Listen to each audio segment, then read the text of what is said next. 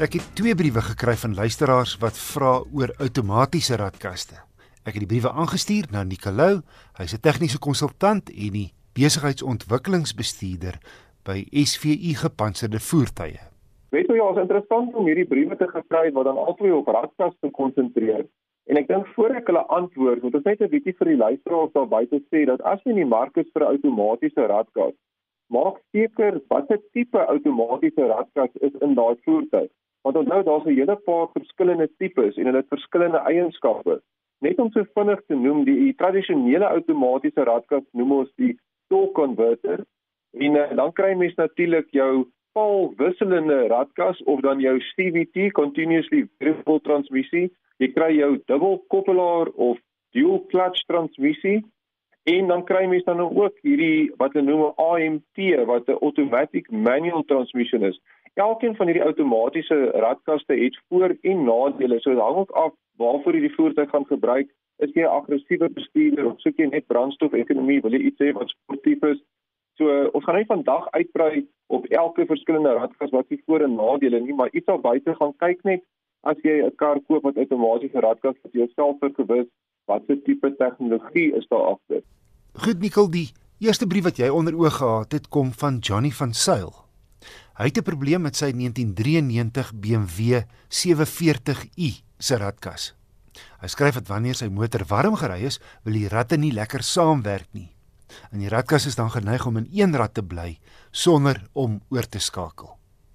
Ja, so die BMW 740i dan natuurlik 'n torque converter radkas wat beteken hy daai vloeistofkoppeling en dan hy dan die aantal ratte wat dan oorsit.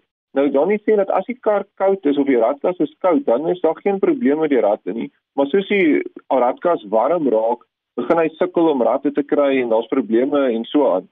So my eerste gevoel sal wees iets wat 'n mens altyd moet doen is om die olie uh, te vervang. Onthou, dis nie net die enjin olie wat vervang moet word nie, mens moet ook kyk jou jou radkas olie. Die radkas olie is ook op die skedule van diens. Gewoonlik is dit so hier by 100 000 km wat dit vervang moet word.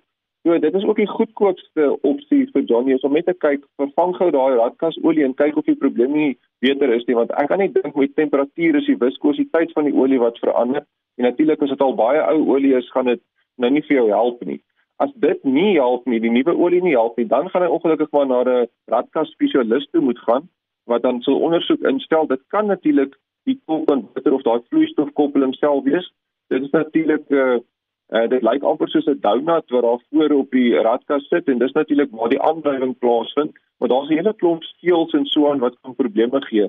Om die torque converter te vervang as 'n eenheid is natuurlik baie duur, maar daar is spesialiste wat die torque converter kan oopmaak, daai steels vervang en hom eintlik kan regmaak vir jou. So daar's 'n paar opsies wat Johnny na kan kyk. Dan wil Vanus Buys meer weet oor die Suzuki Swift outomaties met 'n uh, sogenaamde AMT radkas waarna hy belangstel. Dit is heel interessant. AMT staan vir Automated Manual Transmission. En daai woorde is eintlik belangrik want eintlik wat dit is is 'n gewone handrad wat dan gekoppel word en kom ons noem dit nou maar met amper 'n robotmannetjie wat daar binne sit en dan vir jou die ratte wissel. So dit is elektries megatronies wat dan nou op 'n handrad radkas uh, geïnstalleer word en dan die ratte vir skakel. En ek weet nie of die luisteraars kan onthou nie, een van die eerste karre in ons land wat so tipe radkas gehad het, was die Alfa 156 Cellespeed.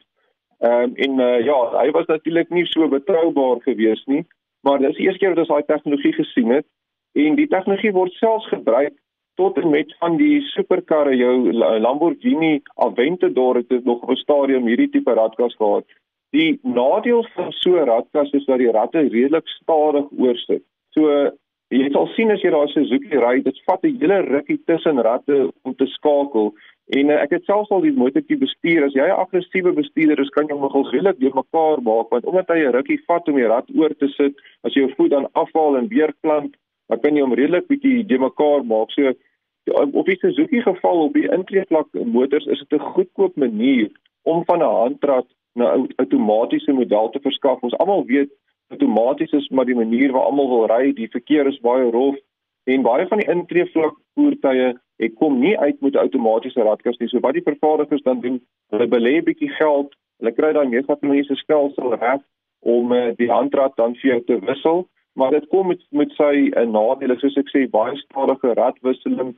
Uh baie keer kry jy dat jy so half in 'n neutraal kant vashou, maar as jy konservatiewe bestuurder is en jy wil regtig net 'n outomatiese radkas hê, dan gaan hy heel goed vir jou werk. In my insiens ek hou baie meer van 'n torque converter tipe radkas omdat hy betroubaar is en hy het al homself bewys oor die jare As jy natuurlik hou van 'n bietjie sportief ry, dan moet jy kyk na dubbelkoppelaar, jou dual clutch transmissies, uh, dan gaan daai vir jou beter werk. Maar ja, ek dink met die AMT radkas die beste is gaan toetsbestuur aan voertuig. Maak seker dit is die tegnologie waarvan jy hou, jy's tevrede met die manier hoe die ratte gewissel word. En uh, onthou net dit is eintlik 'n handrad. So as jy teen 'n opdraande met hom gaan kruip, dan is dit dieselfde as om met 'n handrad in die opdraande die koppelaar te gly. So dit is ook nie 'n goeie gedagte nie, net iets om om ook aan te dink. Nicolou, hy's 'n tegniese konsultant en die besigheidsontwikkelingsbestuurder by SVU Gepantserde Voertuie. Moedernavraag kan aan my ge-e-pos word. Stuur na wissel@rsg.co.za.